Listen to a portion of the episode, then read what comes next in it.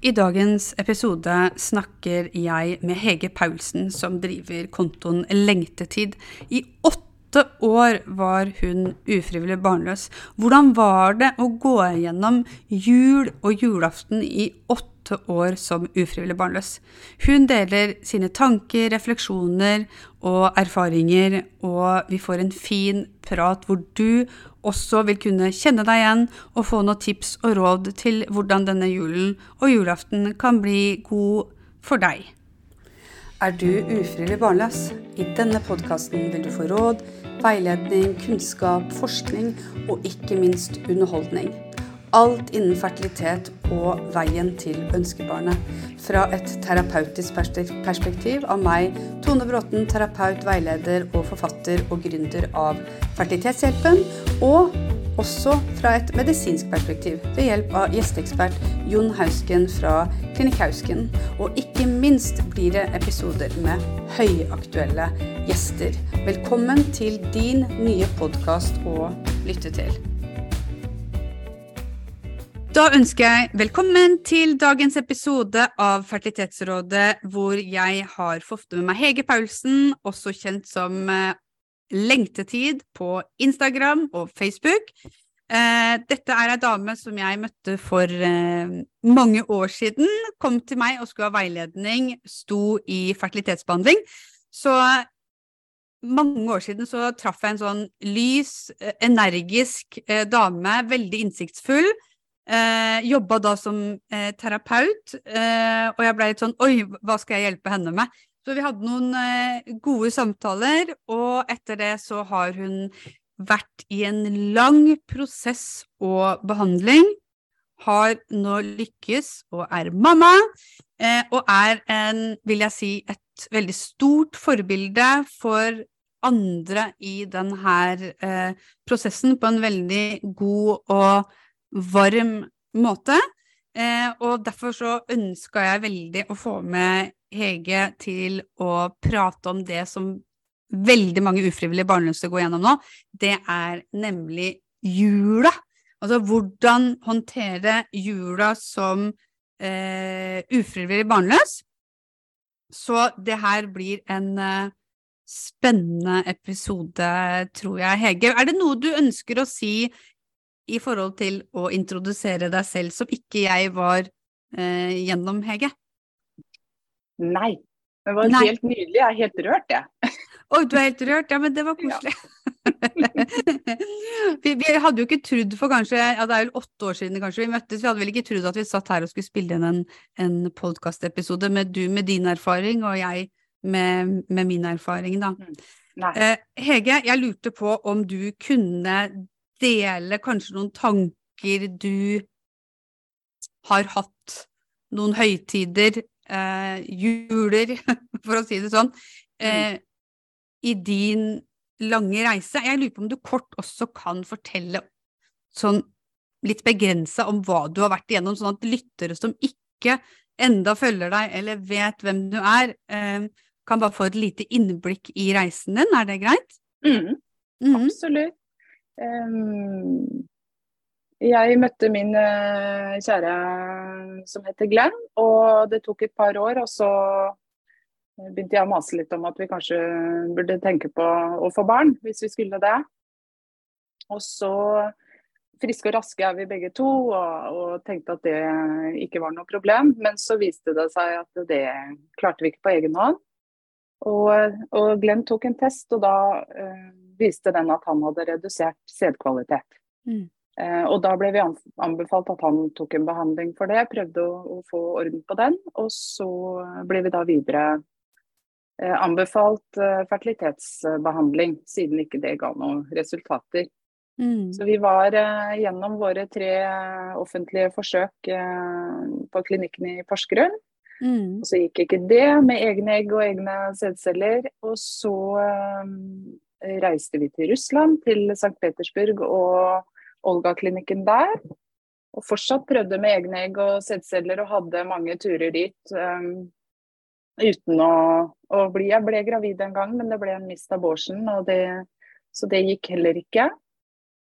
Og så kjente jeg at jeg ikke orket å reise dit lenger. Eh, og så endte vi opp i Aten, eh, på serumklinikken der. For vi fikk anbefalt eh, den klinikken i og med at de jobber særlig med å, å bedre sædkvaliteten. Så vi hadde lyst til å gjøre siste liksom, forsøk da, med å, å få bedre sædkvalitet og fortsatt bruke mine egg. Men mm. vi hadde bare ett egguttak der. Da var jeg over 40 år. og Eh, fikk bare noen skrøpelige embryoer, egentlig, som ikke så så bra ut. Så alle ble satt inn, og, og det ga ikke noe resultat. Nei. Og da eh, hadde vi underveis blitt forespeilet litt at kanskje vi skulle tenke litt på eggdonasjon. Og det var litt mm. sånn rart, i, i, og med at det var redusert sædkvalitet. Så var det mm. kanskje det jeg tenkte først. Men, uh, men med min alder og sånn, så, så fikk vi uh, ja, anbefalt det underveis. Og så skjønte vi at OK, nå er tida inne for det, hvis vi skal klare å lykkes. Underveis så hadde jeg tenkt mange ganger at jeg orker ikke mer, men uh, så fortsetter man, da. Og da, men så kom koronaen, så da ble det stopp å dra til Hellas. Og så uh, orienterte vi oss mot Danmark og eggdonasjon der. Mm. Ja. Og det uh, har vi gjort. Og lykkes helt utrolig på første forsøk med eggdonasjon i Danmark. Og med sædceller fra Glenn. Så. Og så wow. har jeg blitt mamma. Ja. Så har dere blitt mamma? Mm. Etter åtte år som ufrivillig barnløs. Har vært igjennom masse. Åtte mm. år, det er lang tid. Det er åtte, åtte år med, med, julaften? Det Det er åtte år med julaften. Uh, og med hver julaften uh, så har jeg tenkt at neste år mm da er jeg mamma, eller i hvert fall er gravid og har kul på magen og kan ta bilde foran juletreet. Mm. Uh, og så kommer neste jul, og så har ikke det skjedd igjen. Og sånn fortsatte det jo. Mm. Um, og det blir bare vondere og vondere jo flere juler man må igjennom. Du blir ikke vant til det, liksom, på en måte? Nei, blir ikke vant til det. Nei. Nei. Og det blir ikke lettere fordi du har vært igjennom det en gang eller fire før. Nei. Snarere tvert imot. Sånn var det i hvert fall for meg. Mm. Mm. Jeg tenker jo, jeg snakker jo en del med pasienter for tida nå, da, som, som, som snakker om hvordan det er å skulle gå gjennom jul igjen, altså alle de her juletradisjonene som de hadde sett mm. for seg å ha med barnet på, uh, bake pepperkaker, uh, avslutning i, i, en eller annen Eh, barnehage etter hvert der fremme, eller kle opp lille babyen i, i rød kjole eller en, en litt dress, eller bare de små tinga der som kan bli så store og så viktige, og som er en sånn drøm. Hva er, hva er det som fikk deg liksom til å Altså, hvordan klarte du å komme gjennom jula når, du, når den drømmen igjen glapp, liksom? Altså, hva var dine strategier? Kan du huske det? Ja, altså de, første, altså de første julene så hadde jeg jo ingen strategi. Nei. Hadde ingen plan, så uh, jeg kom meg jo gjennom det, men ikke på en god måte.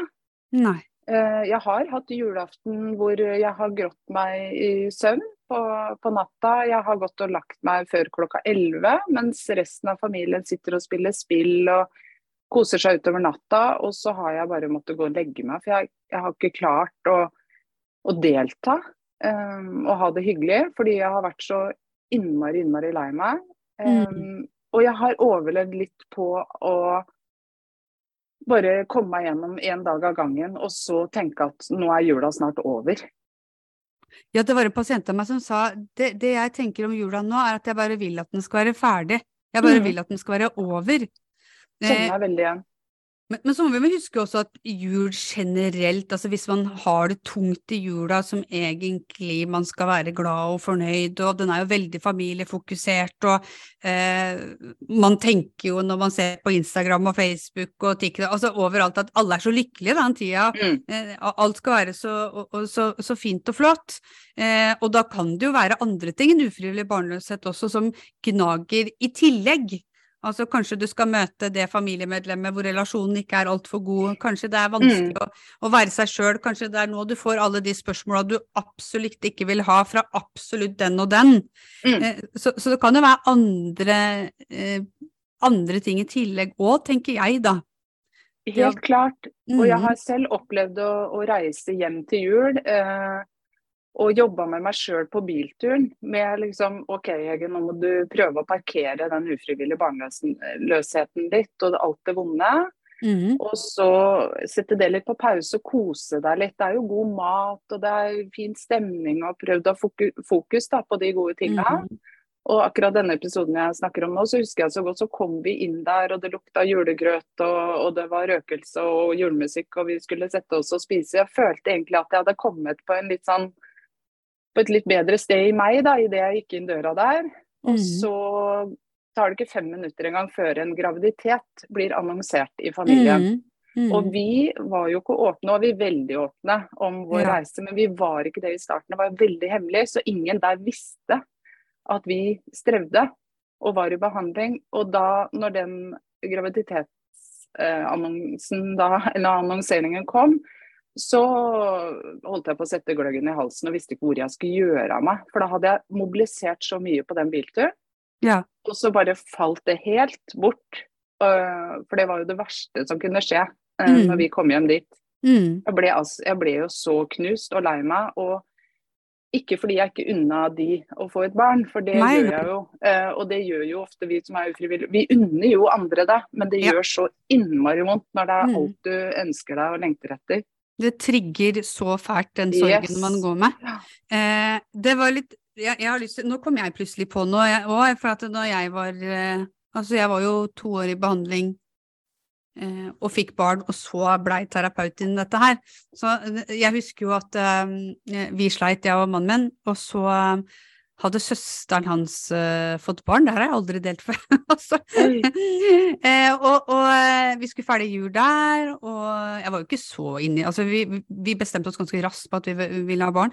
Um, og så hadde hun akkurat fått en liten gutt. Og hvordan den lille gutten da blei fokuset, da, til Ja. hele den familien Mm. den julaften. Eh, det gjorde altså så vondt, for det var sånn Kommer jeg til å eh, oppleve det her noen gang? Og ikke, Mm. ikke snakke med det, men før så hadde på en måte eh, altså, Vi voksne hatt litt sånn fokus altså, på, på hverandre, men nå var det Mm. bare barnefokuset. Eh, og Yes. alle gavene helst skal til dette barnet. Altså, det, det blei plutselig fra voksenfeiring til eh, barnefeiring. Eh, blei det litt, da. Ja. Så er det noe med, så skulle vi da kjøpe gave til dette barnet. sant? Det Mm. jeg ville jeg ville ha mitt eget barn å kjøpe gave til. Jeg ville ikke, ja. jeg ville ikke det. Eh, Jeg, jeg ønska det så veldig. Så det er, det er noe med den familiesettingen, gaver, jul, takknemligheten man skal føle, samhørigheten man skal føle. Eh, og så vil man føle det òg. Mm. Man har jo lyst til å være lykkelig. Ja. Mm. Man har helt lyst til å ja. Mm. Når du sier at du går opp klokka 11 når andre sitter og spiller, da kjenner jeg det i hjerterota mi, liksom. Mm. Hvordan det må kjennes å måtte liksom gå og være aleine for å håndtere egne følelser og egen opplevelse. Jeg bare kjenner at det, det gjør vondt bare å høre om det. Mm. Hvilke Ja. reaksjoner får du da, når du liksom må gå vekk fra feiringa? Åh, du er jo så god, da. mm. Um, ja.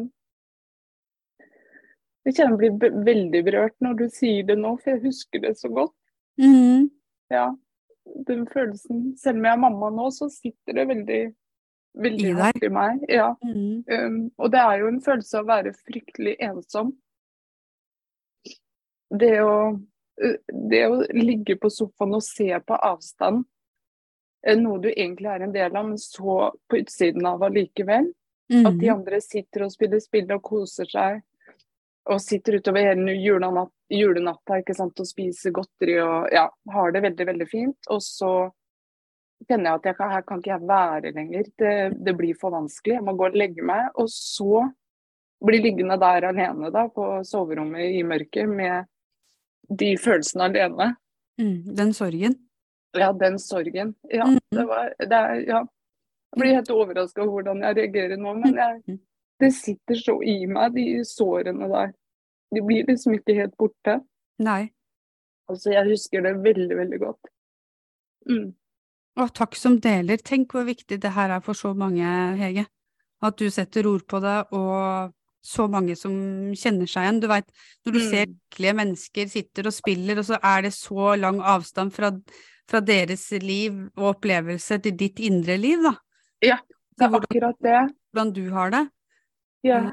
Og det er det, jeg spilte jo inn en liten episode her før vi snakka sammen om sånn tips i forhold til jul, at prøv å omgi deg med mennesker som mm, kan håndtere at du har det litt vondt, eller hvor du kan Ja. være 100 deg sjøl.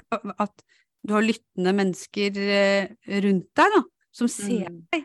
Eh, og jeg sier ikke at du ikke hadde det, men, men du kunne jo gå og legge deg også, så du hadde jo rom for å gjøre det du ville, men det er litt viktig akkurat det der. At man skal ivareta seg sjøl og få litt forståelse. Også det med likemenn, kaller jeg det sånn. Hadde du andre som du kunne dele Nå er du jo veldig flink til å dele, eh, og kanskje det er Mm. at du deler mye òg, for at du veit betydningen av Mm. å lese om og bare føle at jeg er ikke aleine, sånn som når du ligger der aleine på soverommet, at jeg er ikke alene. Tenk hvor mange som går inn og leser på dine sider og tenker 'jeg er ikke alene'. Mm. Hvor stor betydning det har. Mm. Mm. Og det, for det som var vanskelig i den situasjonen, var jo at vi var hemmelige om at vi strevde og var i Ja. behandling. Sånn at det hadde vi ikke fortalt. Og, og, for det er jo fine mennesker, det var jo ikke det. Men, eh, så, men eh, vi, er, vi lot jo være å fortelle det, Mm. av flere grunner. Altså. Så, det, men, uh, så da kunne jeg jo ikke si noe om det. Uh, og derfor råd- ble det så vanskelig. Hvilke råd vil du gi til andre i den jula her? Altså, vil du råde, ut ifra din egen opplevelse, vil du råde andre ufrivillig barnløse til å være mer åpne? Det korte svaret er ja. Og så vet jeg, uh, ut ifra min egen erfaring, at det, at det er så viktig å gjøre det når det føles eh, eh, Når man føler seg klar for det selv. Mm. Fordi man kan jo det er, det er ikke noe vanskelig for meg å fortelle at alt endra seg når vi ble åpne. Det var jo mye lettere. Jeg, jeg slapp jo å finne på tusen grunner til hvorfor ikke jeg drakk vin. Mm. Eh, hvorfor vi dro bort, ikke sant. Vi, vi dro jo til Russland uten at folk visste det. Eh, Tenk på det, bare. Ja, måtte skru av steds... eh, ikke sant? På telefonen. På Facebook på mm. telefonen for å kunne gratulere folk med bursdagen, eller så så de at vi var i St. Petersburg. Mm. Altså det er en, mer, det er en veldig belastning å holde det skjult og hemmelig. Ja. Så, eh, men jeg tenker at det, det er viktig at man er åpen når man føler seg klar for det. Mm. Og så blir man ikke helt klar for det, fordi det er skummelt å dele det. Ja. Men jeg tror ikke man skal pushe seg hvis det føles helt umulig eller ikke noe godt. Og, og, og også hvem man deler det med, da. Hvem er Mhm. det som kan tåle å ta det imot? Eh, det er også viktig å, å sortere litt i, tror jeg. Mhm. Nå er vi helt åpne med hele verden hvis de vil vite, så det er ikke det, men Nei, men jeg syns det, eh, det er fint. Jeg syns det er veldig fint å kunne kjenne seg, kjenne seg igjen. Samtidig så må man ha Man må jo Altså alle som følger andre som er i prosess, at man også husker på at ok, du er du, liksom. Du har dine egg, og mannen din har hans sperm, eller om du er singel, eller hva du er, eller om du er i i et likekjønna par. Så man skal bare huske på at hver, hver reise er jo unik. Men man kan dra til seg det man trenger av andres historier, selv om den, din historie ikke trenger å være like lang som Hege Paulsen sin, da, for eksempel, eh, som var, fikk en veldig kronglete vei, da, mm, eh, ut ifra alt, altså alt du har gjort og dratt i altså, Dere har jo på en måte dratt strikken så langt som man kan klare å dra den, på en Mm. måte, og gå med den her eh, mm, Det sier jo hvor mye man ønsker å bli foreldre. mm. Absolutt. Hvis du skal Ja. trekke frem noen Kan du huske noen julaftener hvor du liksom klarte å nyte det litt, stunder som hjalp deg litt på vei? Kan du huske det? Ja, det kan jeg huske. Fordi øh, jeg husker nesten Eller jeg husker faktisk hvilket år det var. Men, uh, Er det sant? ja, men det er litt, jeg har jo en blogg også, eller som jeg ikke skriver på lenger, men som også heter Lengtetid. Og der uh, delte jeg noen innlegg i 2019. Mm. Eh, 2018 dro vi til Thailand faktisk, over Ja. Mm. Og det Mm. var helt nydelig. ikke sant? Bare dra vekk. Ja. Eh, det blir 24.12. I, i Thailand nå, men altså, Ja. det blir ikke det samme der med nisselue på stranda. Altså, eh, Det var så deilig å dra bort, så det er også en mulighet. Det jeg har lyst til å løfte frem. Mm. Vi solgte masse ting på Finn det året, sparte Mm. alle pengene på en konto og dro til Thailand. Så For gøy. det var, ja, det var så deilig. Og vi Skikkelig kom hjem prosjekt. når jula var over. Ja, Mm. eh, for da slapp vi å forholde oss til alt det, så det var helt nydelig. Året etter igjen så skulle vi jo feire i Norge, og da kjente jeg at eh, at eh, jeg orker ikke å være så lei meg denne jula. Orker Nei. ikke å ha det som dritt. Ja. Så da kjente jeg at nå, Hege, nå må du prøve å snu fokus litt, og så gjøre det beste ut av det. Ja. For det å liksom I år skal jeg nyte jula, det var litt for langt øh, for meg å strekke det. Altså nyte blir Det klarte jeg ikke. Men Mm. å gjøre jula så god som mulig for meg, det eh, var mitt prosjekt den jula. Og da begynte jeg med å For jeg visste jo at det var noen ting jeg likte med jul. Det Mhm. var ikke sånn at alt var pyton. Jeg likte jo pepperkaker og blåmuggost, og jeg elska julefilmer, og jeg eh, elsker Tre nøtter til Askepott klokka 11 på julaften. Vet du at det er et Altså, must. Ja, det er et must. Du vet, Jeg må dele en til liten ting der. Jeg var og henta mannen min på sjukehuset en gang. Jeg. Og så var jeg så irritert, for jeg kunne ikke se på Askepott, jeg så det på, på mobilen min i bilen klokka 11, så han måtte vente med å komme inn. Hæ? Helt ko-ko. Ja, men jeg Ja, men det er akkurat Jeg var jo på oppdrag for Leger uten grenser i Etiopia.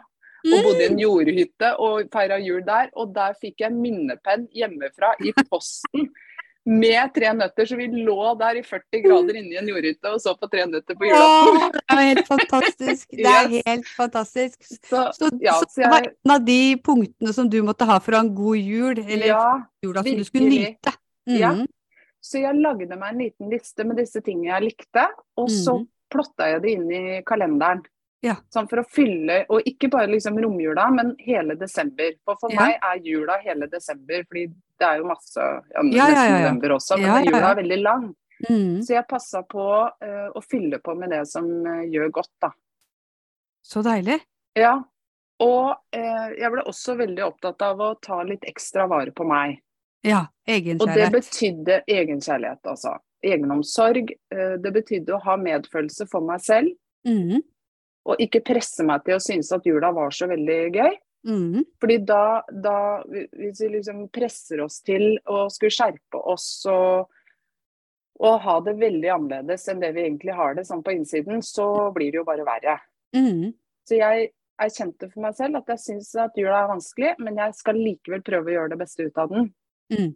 Så jeg skulle ikke bli sånn uh, jula er kjempegøy, men, men ja, så godt som mulig. Det er som det er. Altså, Det de- er som det er. Det, det, er, det er et sånt gyllent ord som jeg også syns bare dukker opp i terapien hele tiden, og det er det her med aksept.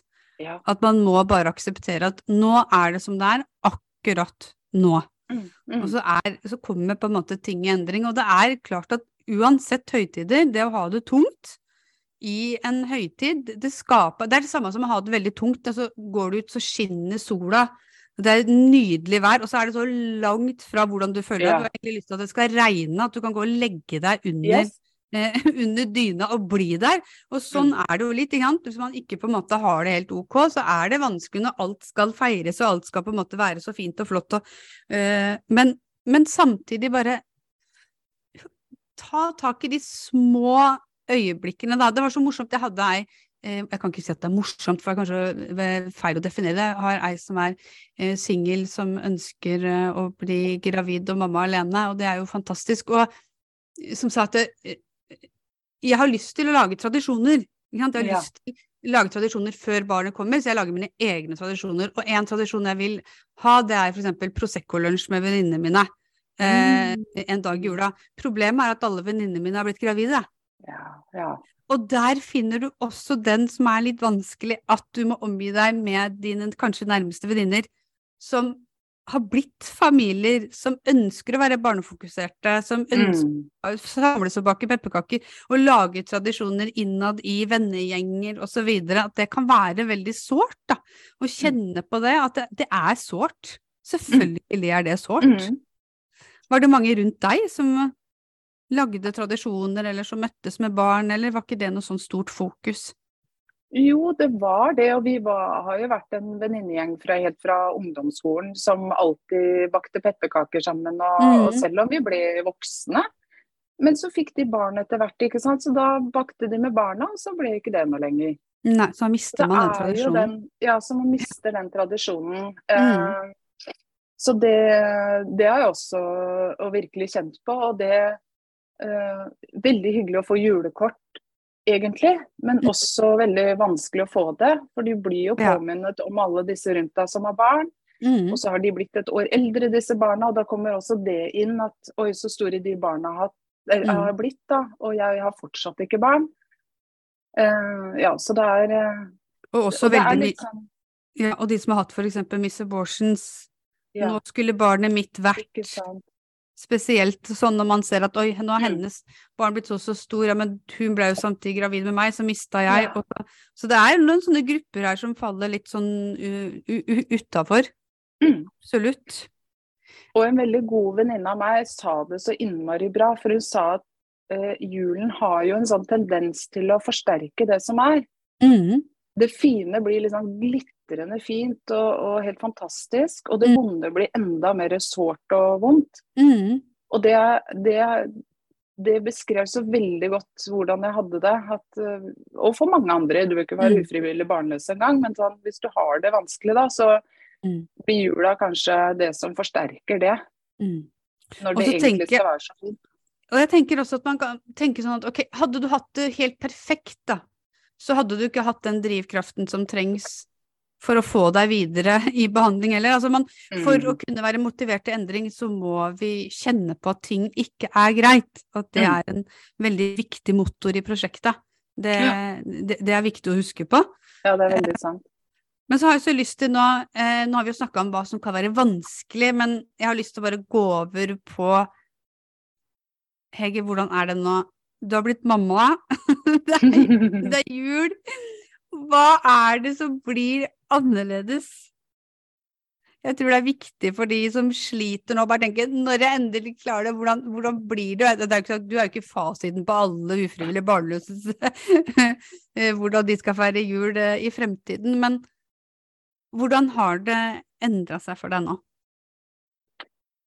Nei, men det er, jo, det er jo en sånn tung dør som slipper med en gang. Når Mm. du får barn. I fjor så var han jo bare syv uker gammel når vi feira jul, Mm. um, så han skjønte jo ikke noe av det. Men det var jo en helt annen følelse å stå der oss tre foran juletreet og ta bilde og, og, og alt det der vonde som jeg kunne gi slipp på, og ikke ta med meg lenger inn i jula. Mm. Det var helt fantastisk. Det er jo bare Forskjellen er jo den der følelsen inni meg.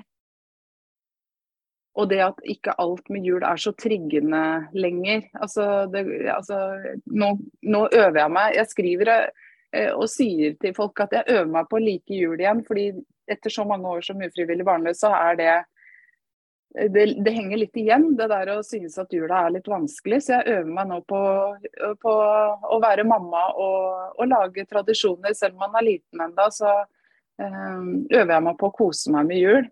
Mm. Og det er deilig å kunne gjøre det og slippe eh, ned skuldrene. Og, og vi snakker mye om hvilke juletradisjoner vi har lyst til å videreføre. Og, Mm. og vi har planer, masse planer i desember. Og, eh, selv om ikke han skjønner så mye, lille Ebbe, så skjønner vi eh, masse av dette. Mm. Og alt vi har lengta etter som vi endelig kan gjøre. Det er helt, helt fantastisk. Og når du ser tilbake på den lange reisen du har, og det du sitter i nå og har oppnådd, da, og hvis jeg liksom skulle spurt deg, hva, hva, hva har vært drivkraften din, Hege? Hva, hva er det som har fått deg til å holde ut? Mm. Vi skulle svare ja. kort på det. Ja, det er jo veldig vanskelig å svare kort på. Mm. Uh, jeg tror at alle de gangene som jeg kjente at nå orker jeg ikke mer, jeg orker ikke mer av det her, det er for vondt, det er, jeg har ikke mer å gi, Mm. så har jeg uh, tatt en pause i behandlingen ofte. Eh, Fordi vi har måttet begynne på nytt eh, hvis vi skulle det. Og eh, det som mange ganger har hjulpet meg, er at jeg har kjent, hvis jeg har snudd på spørsmålet, da eh, Er det nå Skal vi slutte nå? Skal vi Mm. stoppe her? Mm. For sånn Skal vi fortsette, orker jeg mer? For da var svaret nei. Ja. Men hvis jeg snudde på det sa skal vi stoppe nå, er det, er det, er det nok nå? Så var alltid svaret nei. Mm. Og da, for jeg Mm. har alltid trodd på og visst at jeg kommer til å kjenne når det er nok. Når jeg må stoppe. Ja. Vi, ikke sant? Det Det kan, òg. det kan jeg ikke planlegge, men det kommer jeg til å kjenne når jeg kommer dit. Og jeg kom aldri dit, selv om jeg trodde jeg skulle bli innlagt på et eller annet tidspunkt, for jeg var så kjørt og, Mm. og, og nedkjørt i mentalt og fysisk og alt. Men jeg, Mm. jeg klarte ikke å stoppe. Nei. Og, jeg, og når du har holdt på så lenge som vi har gjort, så på et eller annet tidspunkt så var det en sånn fighter i meg som dukka opp og bare tenkte at det, vi skal ikke ha gjort alt dette for å ikke komme ut på andre sida her Nei, med den premien med ingenting, vi ønsker liksom. Mm. Med ingenting. Det Nei. er helt uaktuelt. Mm. Og i det så tror Mm. jeg at, eh, at eh, de tankene om at ja, OK, så blir vi kanskje ikke foreldre helt sånn som vi hadde tenkt til å begynne med. Mm. Med egne egg og ja, egne egg, da. Mm. Og når vi da klarte etter hvert å akseptere at vi eh, hvis, vi, hvis det skulle bli barn, så, så skulle vi prøve eggdonasjon. Så hadde vi jo plutselig mye, mye større sjanse for å bli foreldre. Ja. Og det gjorde vi jo på første forsøk. Altså Det er helt utrolig etter så mange forsøk vi har hatt. Jeg trodde ikke det gikk an, men det Mm. gjorde det altså. Mm. Ja, vet du hva, jeg, er, jeg elsker eggdonasjon, jeg. Ja. Eh, og det er fordi jeg prater med så mange som tar eggdonasjon, eh, og jeg prater med donorer, og jeg prater med mottakere, og jeg bare ser hvordan liv blir forandra, prosessen fra å Altså, jeg bagatelliserer ikke prosessen fra å gi opp egne egg til å gå for eggdonasjon, for jeg har veldig respekt for den prosessen der, Ja. eh, og den tar den tiden den tar, og eggdonasjon Mm. er ikke for alle. Det, det er også noe man må si. Mm. Eh, men samtidig så De fleste ser på det som en absolutt mulighet, og noen mulighet og nederlag, men det her å finne den muligheten, og så, og så plutselig så funker det, liksom. Jeg må Ja. bare si det Før jeg satte meg ned og skulle spille denne episoden med deg, så hadde jeg samtale med en pasient som jeg har hatt uh, veldig lenge. du sier jo ikke mye om den pasienten, for jeg har taushetsplikt, men hun hadde prøvd i så mange år, og bare i noen få uker visste at hun var gravid, men hun klarte ikke å forstå det, liksom. Det, Mm. hvordan kan jeg forstå at jeg er gravid? Det har gått så mange år nå hvor det har på en måte vært negative tanker tilknyttet graviditeten. Hvordan skal jeg forstå det? Og så begynte vi å jobbe med det. Ok, hvordan skal vi jobbe framover nå for at, for at du skal forstå det? Men for Jeg vet at den dagen hun liksom innser at det er faktisk sant, liksom, eh, så, så, så kommer den lykkefølelsen. Man kan ikke forvente at den kommer med en gang. Når man har holdt på så lenge, så er det helt normalt at det er en sånn overgangsperiode, en prosess som er nødvendig, da. Mm. Men jeg er så glad på dine vegne, eh, Hege, og jeg tror det er mange som er glad på dine vegne. Ja, det er det. Mange av følgerne dine, familien din, alle nærmeste, alle Mm. vet hvem du er, som er glad for at Altså, vi heier jo på eh, de som lykkes. Jeg tenker, hvis du ser en film Altså, jo, jo vanskeligere man har det, den filmen, og så blir lykkelig slutt, så sitter vi og griner og klapper i hendene, liksom. Ja. Og, og det er jo litt sånn her òg. Mm. ja. Så mm, Mm. jeg tenker at du og din flotte familie skal bare nyte julen. Du skal ikke gå og legge deg klokka elleve på et eh, mørkt rom Nei. og kjenne på de vonde følelsene. Du skal Mm. kose deg, liksom. Ting Mm. endres. Ja, Ting det endres. gjør det. Ja, det gjør det. Så hva er det vi skal si til alle de ufrivillig barnløse der ute som feirer jul? Har, har du liksom et råd som du har lyst til å gi dem? En liten en liten sånn positiv, eh, snerten setning på veien. Nå legger jeg ikke særlig forventninger til deg, Hegge. Det kommer tilbake til det der å ta vare på seg selv, altså. Ja. Fordi Enten så vet de rundt deg det, hva du Mm. står i, eller så vet de det ikke. Mm. Og vet de det ikke, så er det enda viktigere at du tar vare på deg. Mm. Og vet de det, så si noe om hvordan du har det. Og så er det ikke sikkert de helt forstår det, og det er umulig når du ikke går gjennom det selv. Mm. Men det at du tar vare på deg, sier at det er ikke personlig hvis jeg går og legger meg tidlig eller ikke er med på alt. Mm. Det er bare Mm. at dette er en kjempevanskelig tid. Kanskje den vanskeligste tida på året. Det var det i hvert fall for meg som ufrivillig barnløs. Og jeg eh, logga av sosiale medier. Jeg logga helt ut lille Ja. Og logga meg ikke på før første nyttårsdag igjen. Så smart. Rett og slett. Ja, det var så deilig, fordi da slapp jeg å sammenligne meg med andre Mm, og få mm. alt det der i fleisen. Eh, og liksom kunne ha litt mer ro og heller gå ut og få frisk luft og bevege meg litt og uh, ja. Uh, Kjenne meg litt mindre utafor på den måten. Så det er noen sånne grep da, som, som man kan ta og fylle på med det som, som, gjør godt. Det er jo det der med mot alt som er vondt, så hjelper alt som har gått. Mm. Og det er viktig å leve etter som ufrivillig barnløs, tenker jeg da. Mm. Fordi det blir jul, og det man er kanskje ufrivillig barnløs fortsatt, det er ikke noe man får gjort med akkurat det. Mm. Men det å prøve å gjøre julen så god som mulig, hva nå det enn betyr for seg, Mm. det tror jeg er lurt. Fordi da blir man ikke så overveldet av jul. Da har man liksom en slags plan Mm. for å håndtere den. Mm. Det ble ikke én setning det her, hører jeg, men ja, men det var, jeg tror at det, altså det, bare det der å logge av sosiale medier, det syns jeg var en kjempeidé. Eh, vi skal begynne å runde av, Hege. Yes. Eh, vi har snakka om Jeg tenker at veldig mange vil kjenne seg igjen i hva du har fortalt eh, nå. Om din erfaring med jul, eh, hvordan komme deg gjennom og normalisere det her. Eh, samtidig så er det det med tips der kanskje det er bra å logge av eh, sosiale medier. Jeg må dele noe her. Jeg, var, jeg skulle egentlig på et ju det, det kan ikke sammenlignes, men jeg vil bare si det allikevel. Jeg skulle egentlig på noe sånn julebord som jeg hadde gleda meg masse til en hel helg bort. Eh, og så ble jeg syk, og jeg bare tenkte vet du hva, jeg må bare logge av. Jeg orker ikke å se på alle julebord i helga. Når det ikke kan Noen ganger så er det lurt å bare logge av og bare være. Være med seg sjøl og, og, og, og sine mennesker man har rundt seg, da. Mm, Men når det kommer til tips, sånn som det ene tipset, logge av Jeg lagde en liten episode før eh, vår episode som er eh, seks konkrete tips til deg som er ufrivillig barnløs og vil ha en OK jul, så det går an å sveipe innom den også. Men jeg håper eh, mange har lyst til å lytte til denne episoden med deg, Hege, og høre på dine egne erfaringer og refleksjoner og hvilken innsikt du har eh, i akkurat det her. Så tusen hjertelig takk, og jeg har en følelse på at vi kommer til å lage en episode til. Gjerne det. Annet tema. Eh, for, altså, vi har, nok, vi har nok av temaer å ta.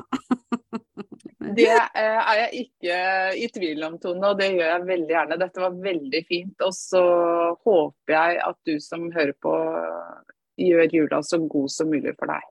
Mm. Og den, sånn som jeg skrev på den siste, siste episoden, så skrev jeg noen ord om at jeg håper at den største og fineste gaven under treet er til deg selv. Ja! For styrke og tålmodighet. Åh, Det- det er så fortjent. Det er så fortjent. Mm. Takk for i dag. Da eh, skal vi avslutte, og så ønsker jeg og Hege Paulsen, altså Lengtetid, og jeg, Tone Bråten, Fertilitetshjelpen, vi ønsker deg og dine en riktig god jul.